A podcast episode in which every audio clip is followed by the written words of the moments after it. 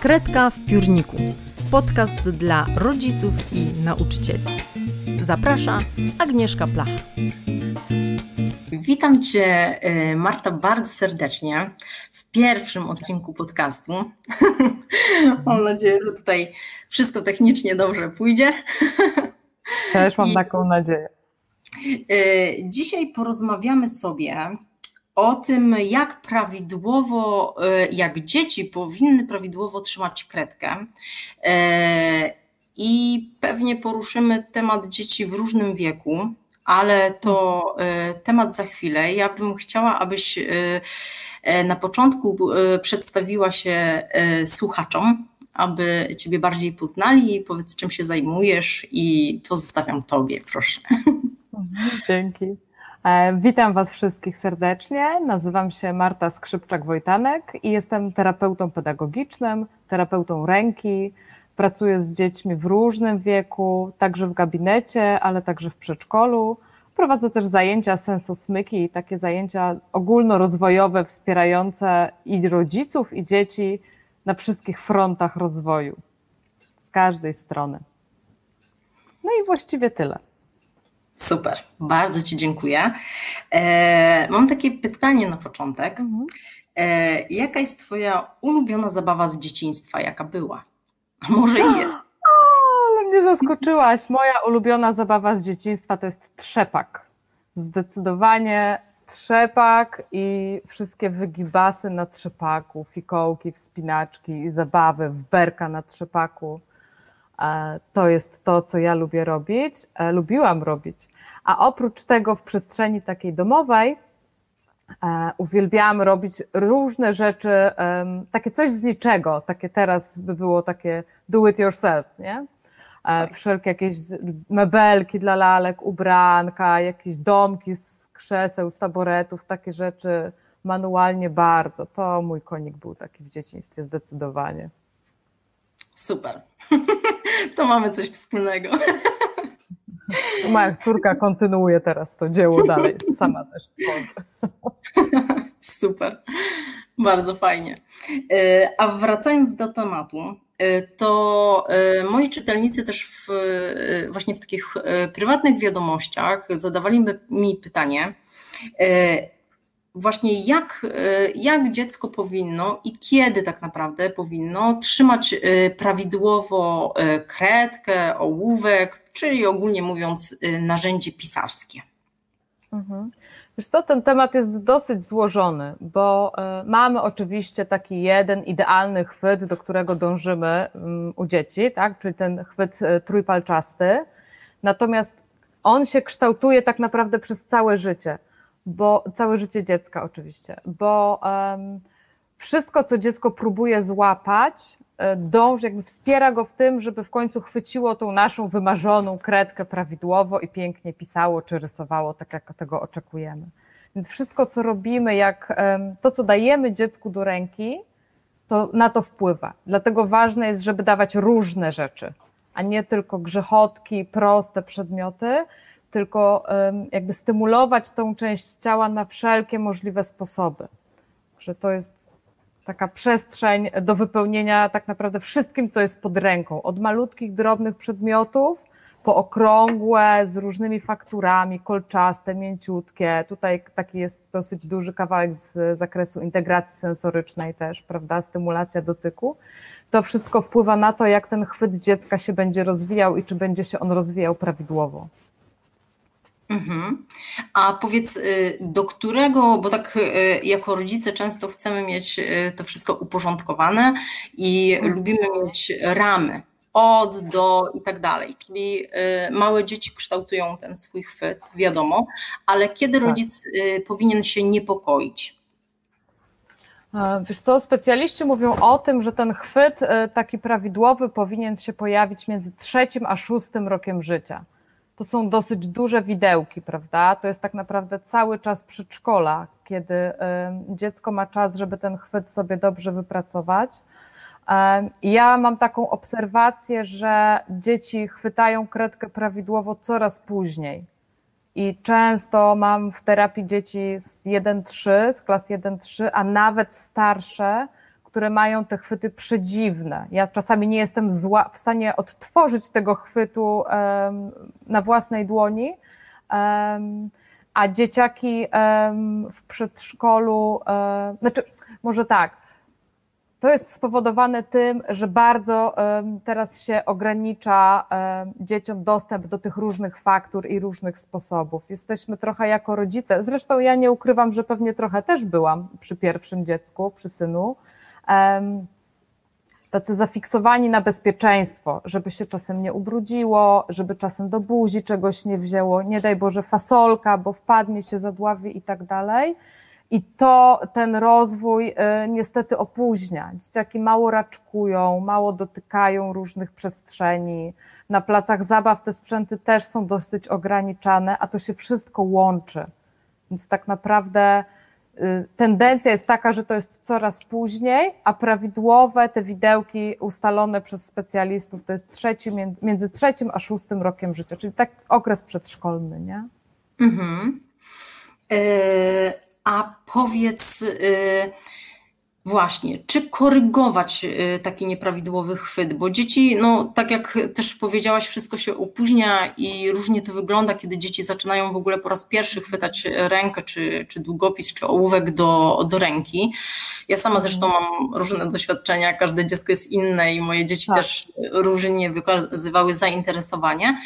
Mhm. Mm, ale powiedz, kiedy, y, czy w ogóle y, korygować? Jak na przykład widzimy, że dwuletnie dziecko źle trzyma, to czy korygować i jak bardzo korygować? Jak, to, jak w to bardzo na przykład ingerować, nie? Albo taki trzylatek, czy nawet czterolatek.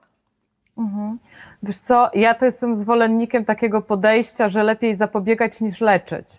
I e, lepiej dbać o ten wszechstronny rozwój e, motoryki małej czy manualny, oferować różnego rodzaju zabawy, przeróżne narzędzia do rysowania. Teraz mamy tego tyle na rynku, że naprawdę jesteśmy w stanie codziennie dać dziecku zupełnie coś innego do rysowania. Może być kreda, to mogą być te e, kredki, kamienie, takie fasolki, które są świetne do kształtowania tego prawidłowego chwytu.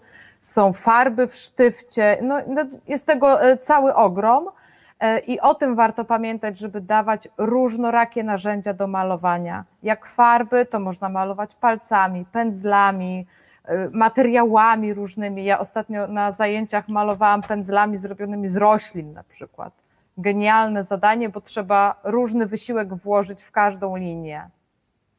Natomiast jeżeli widzimy już, że coś jest nie tak i to dziecko chwyta na przykład bardzo długo kredkę pięścią, albo zupełnie odwrotnie e, niż e, wymaga tego jego etap rozwojowy, to warto zawsze skonsultować się z jakimś specjalistą, czy nawet panią w przedszkolu, która powie, czy coś tutaj jest faktycznie nie tak i ewentualnie wskaże, gdzie możemy się z tym udać.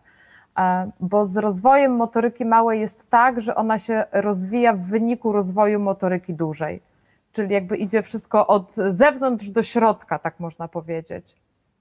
Dziecko potrzebuje dużo ruchu, potrzebuje e, silnych mięśni kręgosłupa, brzucha, obręczy barkowej, żeby móc uruchomić prawidłowo te, te mięśnie ręki, dłoni, a w konsekwencji właściwie chwycić e, kredkę. E, więc jakby o to zawsze warto zadbać. Wszelkie place zabaw, podciąganie, granie w Babingtona, piłkę, łapanie, odbijanie, w kolory na przykład, nie? To to są wszystko rzeczy, które też wpływają na motorykę małą. Bo też musimy sobie jako rodzice zdawać sprawę, że kredka jako taka, no, to nie jest nasz przyrząd taki naturalny, którym się dziecko posługuje. To jest jakiś wymysł cywilizacji, więc ten organizm też musi się do tego przyzwyczaić. To jest, wiesz, trochę tak jak z czytaniem z nauką czytania. Mózg nie jest stworzony do czytania, a kredka nie jest stworzona do rysowania, y, ręka nie jest stworzona do rysowania, nie?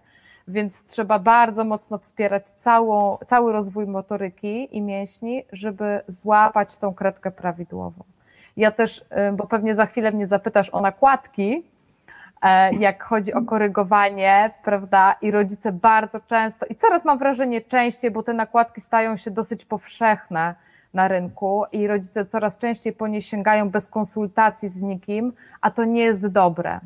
To może tak naprawdę jakby zrobić więcej e, szkody niż pożytku, bo e, jeżeli dziecko ma problem na przykład z obręczą barkową albo nieprawidłowo siedzi przy tym stoliku, bo ma słabe mięśnie kręgosłupa, to nakładka mu nie pomoże. On będzie wkładał większy wysiłek w trzymanie tej kredki z nakładką, żeby było prawidłowo według kogoś, bo przecież dziecko tego nie rozumie tak najczęściej E, a, a jego mięśnie będą się jeszcze bardziej napinać i jakby efekt będzie zupełnie odwrotny, a jak tylko dostanie do ręki narzędzie pisarskie bez nakładki, to dalej wróci do tego chwytu, który jest nieprawidłowy, nie?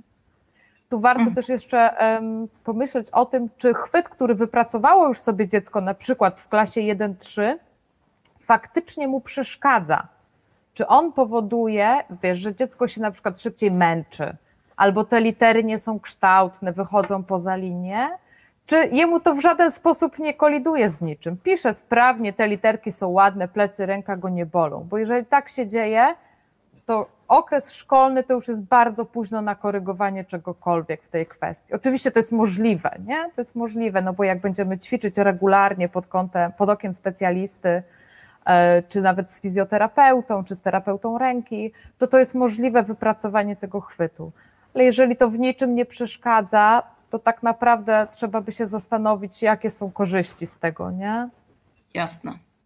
E, a będąc też w temacie nakładek, bo spotykam mhm. się z różnymi opiniami. Teraz na rynku oczywiście pojawiają się różne tak. E, grube, okrągłe kredki, e, trójkątne, mhm. grube kredki i tak dalej. I właśnie też ja nie jestem specjalistą w tej dziedzinie, ale słucham też wielu opinii na ten temat i wiem, że zdania są podzielone, ponieważ jedni mhm. zalecają, a drudzy jednak mówią, że właśnie to tworzy też napięcia mięśniowe i i nie powinno się dawać na przykład dziecku trójkątnych kredek, że bardziej korzystne są zwykłe, cienkie, tradycyjne kredki. Mhm. Co o tym myślisz? Wiesz co, ja myślę, że warto dziecku dać różne kredki, żeby ono samo mogło zdecydować, czym woli rysować, co jest, mu, co jest dla niego bardziej atrakcyjne, też co jest dla niego korzystne, bo dziecko sobie samo z tym poradzi. Są teraz na przykład na rynku takie kredki świecowe w kształcie samochodów, jakichś rybek, takich różnych kształtów, które są zupełnie nieporęczne. Natomiast jeżeli to dziecko sobie weźmie te kredki i chwilę porysuje czy pokoloruje, to one mu nic nie zrobią. Nie spowodują, że ten chwyt będzie nieprawidłowy. Jeżeli miałoby tylko takie kredki, no to już mamy problem za chwilę, bo on nie będzie potem w stanie złapać nic innego. Mamy kredki grube bambino na przykład, mamy kredki zwykłe, cienkie. Dzieci różnie e, wybierają. Ja zawsze pytam, którymi kredkami wolisz kolorować? A jak nie umie powiedzieć, to daję do wyboru. Mówię, weź duże powierzchnie pokoloruj tą, a te, gdzie są precyzyjne jakieś kawałki, weź tam cienką. I też widzimy, jak to dziecko sobie radzi, bo jego chwyt się może zmienić na przykład, nie? Są też na przykład takie kredki, um, farby w sztywcie, czy takie kredki żelowe, one mają kształt normalnej kredki, ale już wtedy nacisk jest zupełnie inny. Więc teraz to jest też ważne, bo jeżeli, wiesz, Aga, jeżeli dziecko nie ma problemu, to co byś nie dała do rysowania, to ono sobie z tym poradzi. Nie? Jak napięcie jest prawidłowe, mięśnie i tak dalej, tu wszystko postawa działa, to to dziecko wszystkim sobie poradzi. Kawałkiem czerwonej cegły też pięknie narysuje. Natomiast jeżeli dziecko ma jakiś problem, który jest głębszy, to bardzo starannie trzeba dobrać kredkę nie tylko z uwagi na ten chwyt, ale też z uwagi na to, jak to wpływa na jego motywację do rysowania. Bo mhm. jeżeli on ma słabe napięcie mięśniowe, to nie dociśnie kredki, a jak nie dociśnie, nie będzie ładnego różowego koloru i nie będzie chciało dziecko rysować i ćwiczyć. Więc tutaj na przykład kredki żelowe idealne, bo tam można maznąć delikatnie albo farby w sztywcie. Maźniesz delikatnie, kolor jest piękny, efekt wow i chcemy rysować, pracować, nie? A jak damy zwykłe, twarde, no to nie będzie tego. Nie będzie tej przyjemności, a to tak naprawdę o to chodzi, nie? Zwłaszcza w tym wieku przedszkole, początek szkoły, żeby była z tego przyjemność, nie? Mhm. Zgadzam się. Super. A powiedz, już y, troszeczkę y, z tej rozmowy naszej to wybrzmiało, ale takie y, pytanie też często się pojawia. od, od jakiego wieku przygotować dziecko do pisania? Tak jak już powiedziałaś, pisanie zaczyna się dużo wcześniej, ale możesz rozwinąć ten wątek. Mhm. Jasne, wiesz, tak naprawdę e, od samego urodzenia możemy to robić, nie? Bo e, możemy robić e, takiemu maluszkowi masaże dłoni, cudowna sprawa. I one już pobudzają, uwrażliwiają te dłonie. Dziecko wtedy je też czuje w ogóle, poznaje, prawda? Możemy dawać różnego rodzaju faktury do zabawy, jakieś gąbki, szorstkie materiały przy pisaniu ten zmysł dotyku jest bardzo ważny, bo dziecko wtedy wyraźnie czuje, co ono ma w ogóle w ręce, prawda? Y, materiały twarde, miękkie, różnego rodzaju, nawet grzechotki metalowe, plastikowe, drewniane, prawda? One tutaj robią bardzo fajną robotę. Bardzo ważnym etapem na drodze do tego prawidłowego chwytu jest też chwyt pensetowy to jest taki kamień milowy w rozwoju motoryki małej, nie? Czyli wszelkiego rodzaju łapanie, no właśnie, łapanie drobnych przedmiotów. Na ile my jako rodzice jesteśmy w stanie dać sobie zgodę na to, że to dziecko malutkie będzie się bawiło, nie wiem, fasolką, pomponikiem, który może zjeść, prawda? Więc zawsze lepiej dawać rzeczy, które w razie zjedzenia nie zrobią zbyt wiele krzywdy, czyli to, co mamy w kuchni po prostu. Kuchnia jest w ogóle, wiesz, najlepszym miejscem do rozwoju dziecka, naprawdę. Tam jest i jedzenie do zabawy, i można z tego robić masy plastyczne, które jak dziecko zje, to też się nic nie stanie. I przy okazji smaki oswajać i kształtować motorykę małą. Te masy plastyczne, które teraz są tak bardzo popularne, robią naprawdę fajną robotę, bo kasza manna, ciepła woda i mamy mannolinę, która się gniecie jak ciastolina, a nie wymaga żadnego przygotowania, można ją zjeść potem, i albo wyrzucić, i, a dziecko pracuje cały czas, ręce ugniatają, mieszają, nadgarstek też wtedy pracuje. Nie? Więc mama w kuchni obiera ziemniaki, a dziecko obok e, bawi się tym tak naprawdę, co jest pod ręką.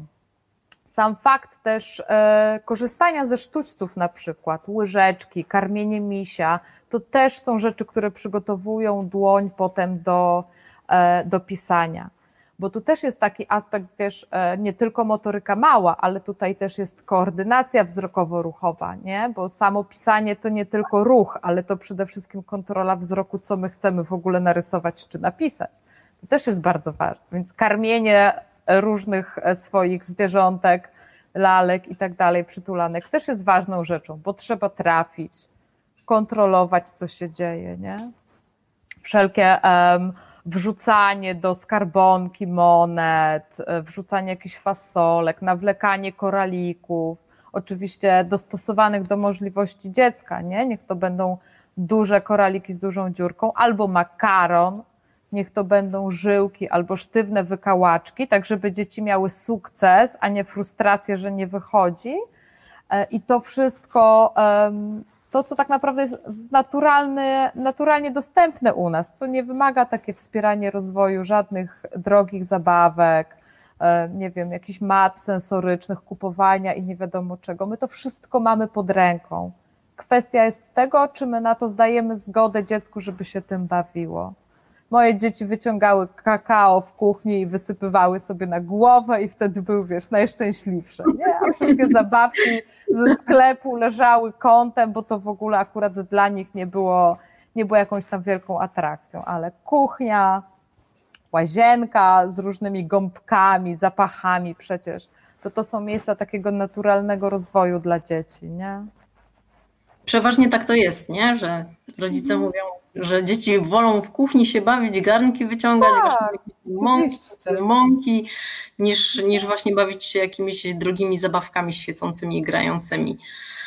No, tak to tutaj masz rację. Dla mnie też e, takim, jak, jak to odkryłam, takim e, też zaskoczeniem pewnym na pewnym etapie mojego macierzyństwa, właśnie było powiązanie e, tej dużej motoryki, czyli, czyli tego, co dziecko robi całym ciałem, można tak powiedzieć, i mhm, wykorzystuje tak. tego wszystkie mięśnie, mm, że to bardzo wpływa na rozwój tej małej motoryki, czyli tego, co robi dłońmi i też na mowę. Akurat mówimy tutaj tak, o ręce, ale to to wspomaga mowę. I, I często też sobie nie zdajemy z tego sprawy, bo patrzymy takimi wycinkami, nie?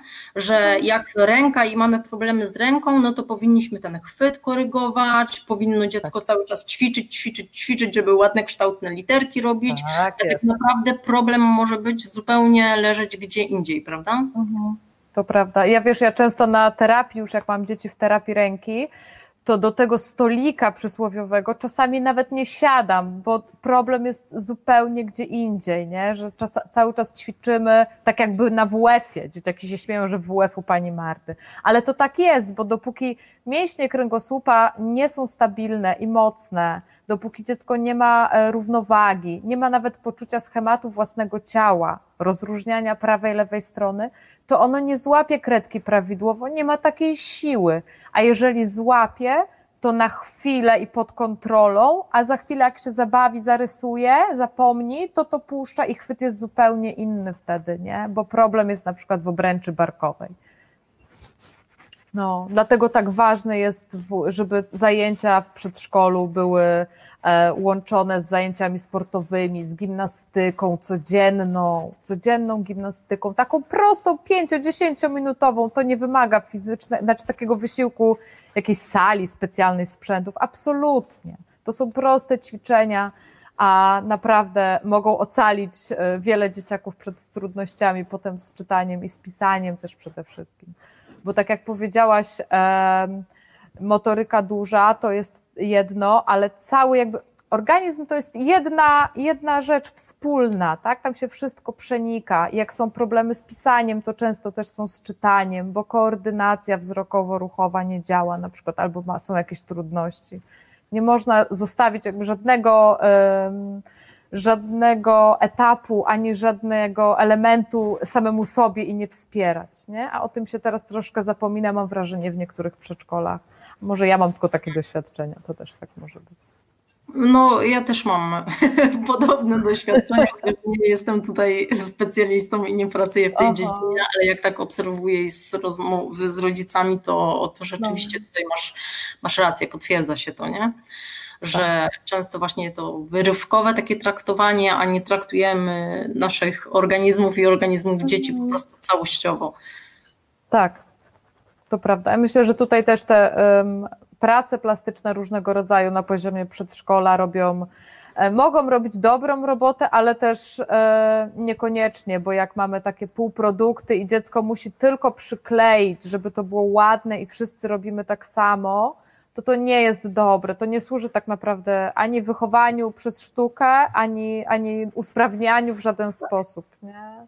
zupełnie. Mhm. Natomiast służy temu, że wszyscy dostają takie same laurki na dzień babci na przykład, wyciśnięte tylko, bo nawet nie wycięte, tylko wyciśnięte z zeszytu ćwiczeń z kart pracy. Nie, nie, nie lubię kart pracy bardzo. Bardzo nie lubię. Mam wrażenie, że odkąd pojawiły się karty pracy, to jakby poziom umiejętności manualnych dzieci spadł. No tak, bo, bo, w zasadzie wycinać nie muszą, bo już mają gotowe tak. do wyciśnięcia, czyli mhm. tego, to, to wycinanie też się opóźnia. E, tylko gotowe elementy. Często też spotykam się no niestety z tym, że właśnie praca ma ładnie wyglądać, a nie tak. spełniać tego, że ma być efektowna, czyli cel ma być mhm. efekt, a nie tak naprawdę ćwiczenie e, ręki dziecka, nie? Tak, a przecież to niczemu innemu nie powinno służyć, tylko temu, że dziecko ma się rozwijać twórczo, rozwijać swoją wyobraźnię i rozwijać się manualnie. I tak naprawdę to jest istota robienia tych wszystkich laurek, prac. Oczywiście, że to jest prezent dla mamy, tam babci, czy, czy kogokolwiek innego, ale jakby dla dziecka, samego dla jego rozwoju, to to jest najważniejsze. Może być wzór, zobaczcie, robimy takiego bałwanka, ale jak to dziecko zrobi, to niech już będzie jego inwencja, nie? Dajmy mu mhm. materiały i zobaczmy, co się stanie. Dlatego mi się bardzo podoba, że jest taki teraz taki trend w stronę tej integracji sensorycznej, sensoplastyki i tych różnych innych takich rzeczy, bo tam są produkty i zrób z tego to, co uważasz. Tam dzieciaki tak ćwiczą motorykę małą w tych wszystkich kolorowych ryżach, makaronach, przesypują, mieszają. To jest świetne. Bardzo takie wspierające rozwój na tym etapie. I tam y, w tych działaniach y, każda, że tak powiem w cudzysłowie, odpowiedź jest dobra, czyli Tak, mogą tak. sobie śmiało eksplorować ten materiał i nie ma błędów, nie? Tak jak często tutaj e, dzieci są korygowane przy pracach e, manualnych i tak dalej, że to jest błąd, bo to powinno być tak, a to tak, a tak naprawdę nie jest to e, powiedziane, nie? Mhm. Tak, to zwłaszcza, że to też jak dziecko ma swobodę tworzenia, to jemu też rośnie motywacja i ono chce to robić, bo to jest tak, jak ono chce. E, A jeżeli dziecko ma fantazję pokolorować drzewo na różowo, a pani mówi, nie, no nie możesz tego zrobić, to jest źle, bo drzewa są brązowe, no to co taki pięcio, czy cztero, czy nawet sześciolatek em, może jakby wynieść z tego dla siebie, nie? Że, że źle widzi świat, że ma zły pomysł, no to nie Mhm. sprzyja temu, że on któryś raz będzie chciał spróbować coś swojego przecież.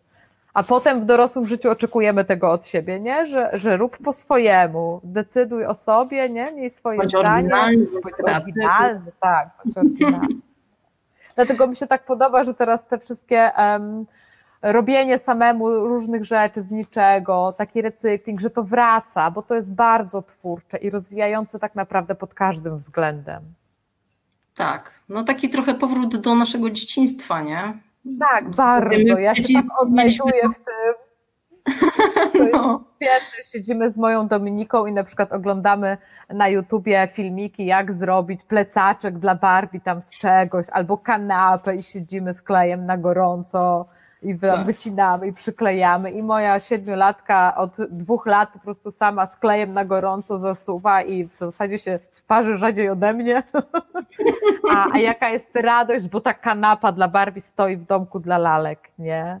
Tak. Świetne, jest bardzo twórcze i takie wzmacnia też taką pewność siebie. Wow, ja to zrobiłam sama, nie? Może to jest trochę krzywe, nie takie, ale zrobiłam to sama i to działa, mogę to zrobić, nie? To też zachęca do Tak. kontynuowania takich aktywności, a to jakby samo już się potem, samo się nakręca, rozwój sam się nakręca, o, o to chodzi, Tak. nie? Dokładnie. No, i jest fan przy okazji, jest radocha z tego. Nie? Jasne. No, to jest właśnie, to jest właśnie fajne. Tak, Tak. ale też właśnie... Mhm. E, Myślę, że tu warto też wiesz powiedzieć, że do tego nie są potrzebne jakieś specjalne materiały, bo jest też coś takiego, jak sobie poobserwujemy Instagrama, Facebooka, nawet, że tam są pompony, że tam są taśmy, tam wszystkie takie Mhm. kolorowe i że na to trzeba wydać jakieś pieniądze. A to nie jest prawda zupełnie. Mi to na przykład bardzo pokazała pandemia teraz. Jak byliśmy zamknięci, ja prowadziłam w przedszkolu terapię online Mhm. gdzie wysyłałam rodzicom zadania. I najpierw sobie pomyślałam, ale jak? Przecież oni nawet w domu nie mają pomponów, ani szczypiec, ani w ogóle niczego, jak to zrobić? I tak wiesz, przeszłam się po mieszkaniu i mówię, okej, co mają na pewno? Co mi się tu może przydać? No i co mają? Klamerki. Klamerki ma każdy. To jest wynalazek przełomowy. To jest najlepszy wynalazek ludzkości. Klamerki. Na pewno mają jakąś watę albo waciki, prawda? Mają wszystkie ryże, makarony, kasze, takie rzeczy mają ludzie. I ileś, ileś takich przedmiotów sobie powykładałam na biurko, mówię, okej, no to teraz masz to i zaplanujemy terapię. I do tego nie trzeba kosztów żadnych. Bo z klamerek okazało się, że można zrobić szczypce, tylko trzeba je odwrotnie złapać, nie? I, i voilà, i wszystko jest pod ręką. Trzeba mieć tylko taką zgodę na to, że dobra, no to zróbmy coś, nie? Taką chęć w ogóle, żeby coś z tym Tak. dzieckiem podziałać, a nie zostawić go tam z tymi lalkami czy klockami i, i niech sobie samo robi. Ja się bardzo odnajduję w tym trendzie teraz, że właśnie robimy coś z niczego i rolki po papierze i kartony i te wszystkie rzeczy, domki z kartonu. Też nie trzeba. Klej na gorącej karton i jest wszystko do zrobienia, nie? Cały świat stoi otworem wtedy. To jest fajne. Tak, tak. Jest, no, jest bardzo dużo możliwości. My też właśnie w e, klubie mieliśmy zajęcia online podczas pandemii. I, no i też w zasadzie wykorzystywaliśmy rzeczy od zwykłej kartki po, po różne takie materiały, więc to było Tak. też cudowne, że często nam się wydaje właśnie, że e, musimy mieć właśnie te, tak jak powiedziałaś, pompony i tak dalej, i że to wszystko musi wizualnie ładnie wyglądać, nie? Bo to, to za Tak, tym też tak. idzie, że kolorowe papiery, pomponiki i tak dalej, to wszystko ładnie wygląda na zdjęciach, ale zawsze musimy mieć z tyłu głowy tak naprawdę po co to robimy, nie? Bo jeżeli dla warstwy wizualnej to ok, ale dzieciom to z jednej strony estetyki i tak dalej, oczywiście jestem za tym, żeby uczyć od najmłodszych lat, ale z drugiej tak. strony też mieć na względzie y, właśnie na jakim etapie rozwoju jest dziecko, nie? że ono jest na mhm. innym etapie niż my, bo my dużo więcej ćwiczyliśmy niż. No, niż tak... to prawda. To prawda. Ale jak o tym jesteśmy i powiedziałaś o estetyce, to ja się muszę czymś z Tobą podzielić, bo dzisiaj odebrałam paczkę i tak się cieszę, że to się dzisiaj stało i dzisiaj nagrywamy. E, książkę Ani Weber, Wychowanie przez sztukę. E, mhm. Nówka dopiero co przyszła, jest rewelacyjna. Książka dla rodziców i dla terapeutów też spokojnie właśnie o tym, jak e, wspierać rozwój dziecka muzyczny, plastyczny, w ogóle wszelki, wiesz, i związany właśnie ze sztuką, z poczuciem estetyki. Jest przy okazji mnóstwo pomysłów, co robić. Są spisy utworów, filmów na przykład ze sztuką w tle, jak mój Vincent e, z dzieciakami oglądaliśmy teraz w pandemii. No rewelacja, to jest tak naprawdę film też dla maluchów, bo ilość obrazów i takich walorów estetycznych jest świetna. Bardzo polecam tę książkę, przy okazji taką mini recenzję tutaj e, wrzucę. E, jeszcze jej nie przeczytałam, bo ją dzisiaj odebrałam, ale jestem zachwycona wydaniem, bo okładka jest tekturowa, a nie mhm. świecąca, z toną plastiku i taka bardzo, bardzo minimalistyczna jest w ogóle. Natomiast przejrzałam tak szybko, rozdziały są bardzo ciekawe i nie wiem, czy zaraz nie siądę i nie będę jej czytać. No. Muszę powiedzieć, że też mi mignęła właśnie gdzieś tam w internetach i no też mam na liście. Polecam, to dobrze, polecam. polecam. Tak. No. Super. E, myślę, że e, powolutku będziemy zmierzać, bo tutaj e, do końca naszej rozmowy i tak w ramach takiego podsumowania też mam taką myśl, z tej mhm. naszej rozmowy, że tak naprawdę cokolwiek się dzieje, jakiekolwiek rodzice mają wątpliwości, to dobrze, aby udać się jak najwcześniej do specjalisty, czego tak. często się też boimy, bo już tak. wyobrażamy sobie nie wiadomo co, a czasem mhm. warto się jednak skonsultować, bo można korygować różne rzeczy zawczasu. Tak, a poza tym nawet po to pójść, żeby usłyszeć, wszystko jest w porządku. Tak? wszystko jest w porządku, proszę się nie martwić. Albo usłyszeć, że świetnie, że pani przyszła, bo to jest dobry moment, żeby wesprzeć dziecko w rozwoju na tym etapie, nie? To jest bardzo mhm. ważne, żeby pytać, żeby się tego nie bać. Jest niestety taki trend, może, może nie trend właściwie, ale zdarzają się tacy specjaliści, którzy mówią, nie, wyrośnie.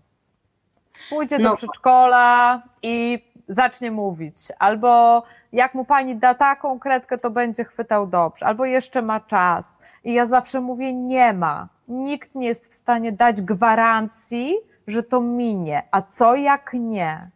A ten czas tak naprawdę do szóstego, siódmego roku życia to jest czas, kiedy nasze działania są najbardziej efektywne, kiedy wszelkie terapie są najbardziej efektywne i też nie ukrywajmy, praca jest dużo prostsza, bo łatwiej popracować 3-4-latkiem niż z takim dwunastolatkiem, który już ma zupełnie inny bagaż doświadczeń, nie? Więc tak jak mhm. mówisz, zawsze wszelkie wątpliwości wyjaśniajmy ze specjalistą. Można iść do poradni psychologiczno-pedagogicznej dopytać, można iść na konsultacje do gabinetów prywatnych, czy nawet jak dziecko chodzi do żłobka czy przedszkola, to porozmawiać z wychowawcami, zwrócić uwagę, nie? Proszę spójrzcie, czy ona dobrze to robi, czy może coś tu jeszcze można poprawić, nie? To jest ważne, żeby być takim uważnym rodzicem po prostu na to i też świadomym. Mhm. I czasem się nie bać, że jest się przewrażliwionym, nie? Tak, oczywiście, oczywiście. Mhm. Zdecydowanie. Teraz jest taki dostęp do tej wiedzy e, w różny sposób. Są grafiki, na przykład tak jak rozmawiamy o chwytach, z tymi prawidłowymi chwytami, z etapami rozwoju dzieci, jak je wspierać, jakie obowiązki dzieci powinny mieć tam w jakimś wieku. Zawsze to warto tak trochę przez swoje własne sitko prze, przesiać, żeby znowu nie popaść w jakieś takie e, szaleństwo trochę pod tym względem, nie? co jest dla mnie i dla mojego dziecka najlepsze w tym obszarze, mhm. ale no warto pytać, warto szukać różnej wiedzy, naprawdę, to jest ważne. Super. No. Yy jeszcze tak y, chciałam zakończyć, ale jeszcze taka myśl mi się pojawiła właśnie, bo często y, często też słyszę takie opinie wśród rodziców, że a pójdzie do szkoły, to też wśród nie tylko rodziców, ale pójdzie do szkoły, to wtedy tam może czegoś się dowiemy, nie? że ten etap przedszkolny jest taki troszkę właśnie zbywany i, tak. i dopiero tak jakby na szkołę zrzucamy ten karp jakiejś tam odpowiedzialności i ewentualnej korekty. Mhm. No to jest prawda, ja też mam takie doświadczenia, wiesz, że ten etap przedszkolny jest taki, bo to jeszcze zabawa, bo to jeszcze e, dajmy mu czas, pójdzie do szkoły, to się nauczy ale to nie na mhm. wszystko. On się nauczy, on tam zdobędzie wiedzę, ale tak jak dom bez fundamentów nie będzie stał, tak dziecko bez fundamentalnych takich podstaw nie nauczy się pięknego pisania, a wszyscy byśmy chcieli, żeby nasze dzieci pięknie czytały, prawidłowo rozumiały, co czytają, pisały kaligrafią, prawda? I jeszcze w dodatku tak. szybko, żeby zdążyły i jeszcze bez błędów ortograficznych to są tak niewyobrażalnie wymagające procesy dla naszego mózgu, że my sobie z tego w ogóle nie zdajemy sprawy, bo mózg nie mhm. jest nawykły ewolucyjnie do tego, żeby te rzeczy robić. Czytanie, pisanie, liczenie, absolutnie. Dziecięcy mózg w ogóle potrzebuje bardzo dużo stymulacji mhm. różnego rodzaju, żeby to wszystko ogarnąć, nie? Tak na to, jakby na to spojrzeć z tej perspektywy, że to nie jest tylko motoryka, tym ktoś kieruje. I tu trzeba naprawdę mieć dużą uważność na to, co się tak. dzieje i, i, i, co, i jak to dziecko się rozwija i czy dobrze. I to przedszkole jest naprawdę takim e, momentem e, najważniejszym w tym rozwoju w życiu dziecka. Społecznym oczywiście, ale na społeczny też przyjdzie czas, nie? Bo też to są zupełnie inne relacje. Mhm. Natomiast jeżeli chodzi o taki rozwój właśnie fizyczny, manualny, psychologiczny nawet, to to jest najważniejszy okres. Ja to jestem takiego zdania naprawdę, że gdyby e, przyjrzeć się uważnie dzieciom i bardziej ich, je wspierać w tym rozwoju jeszcze, na, zwłaszcza z tą motoryką dużą i małą, to e, połowy problemów później w szkole by nie było. Mhm. Bo w klasach 1-3 w warunkach szkolnych, tak jak ja na przykład pracowałam w szkole jako terapeuta i prowadziłam zajęcia korekcyjno-kompensacyjne z dzieciakami, to ta praca naprawdę, jeżeli dziecko nie pracuje w domu, a najczęściej niestety tak jest, to e, ta praca jest bardzo mało efektywna. To uda się skorygować rzeczy takie powiedzmy małe, minimalne. Nie, że coś tam po prostu trzeba wesprzeć tylko. Natomiast, natomiast jeżeli faktycznie e, trafiam w trzeciej klasie, y, trafia do mnie dziecko i ja widzę, że ono ma obniżone napięcie mięśniowe, że ono zjeżdża z krzesła, to ja nie jestem w stanie nic wypracować na zajęciach, bo to już jest potrzebny fizjoterapeuta i intensywna terapia, nie? Mhm. Więc przedszkole, przedszkole, przedszkole i jeszcze raz przedszkole jest tutaj najważniejsze i ten czas do tego trzeciego roku życia jak najbardziej też. Zdecydowanie, tak. ale miałyśmy podsumowywać, a nie nowy tak. wątek rozwijać. Krążyć wokół kolejnych wątków. Krążyć, tak jest. No bo to jest bardzo szeroki temat. Nie? Tak, tak, tak. Ale no, Marta, bardzo, bardzo Ci dziękuję y, za to bardzo spotkanie. Proszę za tą rozmowę i tutaj i wyszło, wyszło trochę o terapii ręki i, i jeszcze Aha. inne wątki poboczne, także myślę, że jest co rozwijać w kolejnych no, tak, zdecydowanie. Także bardzo, bardzo serdecznie Ci dziękuję. E, ja też podlinkuję w wpisie e, poniżej e, mhm. nagrania do Ciebie, do, do Twojej, nie wiem, tak, czy masz super. stronę internetową Mam, swoją Facebooka. Założyłam po pandemii.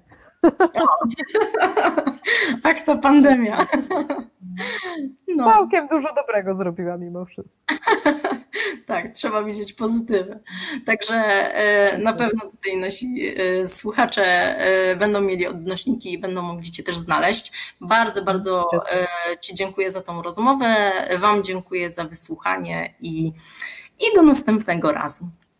No ja też Ci bardzo dziękuję, było mi bardzo miło i jakoś nie wiem, czemu się tak denerwowałam na początku. Może do usłyszenia. No mam nadzieję.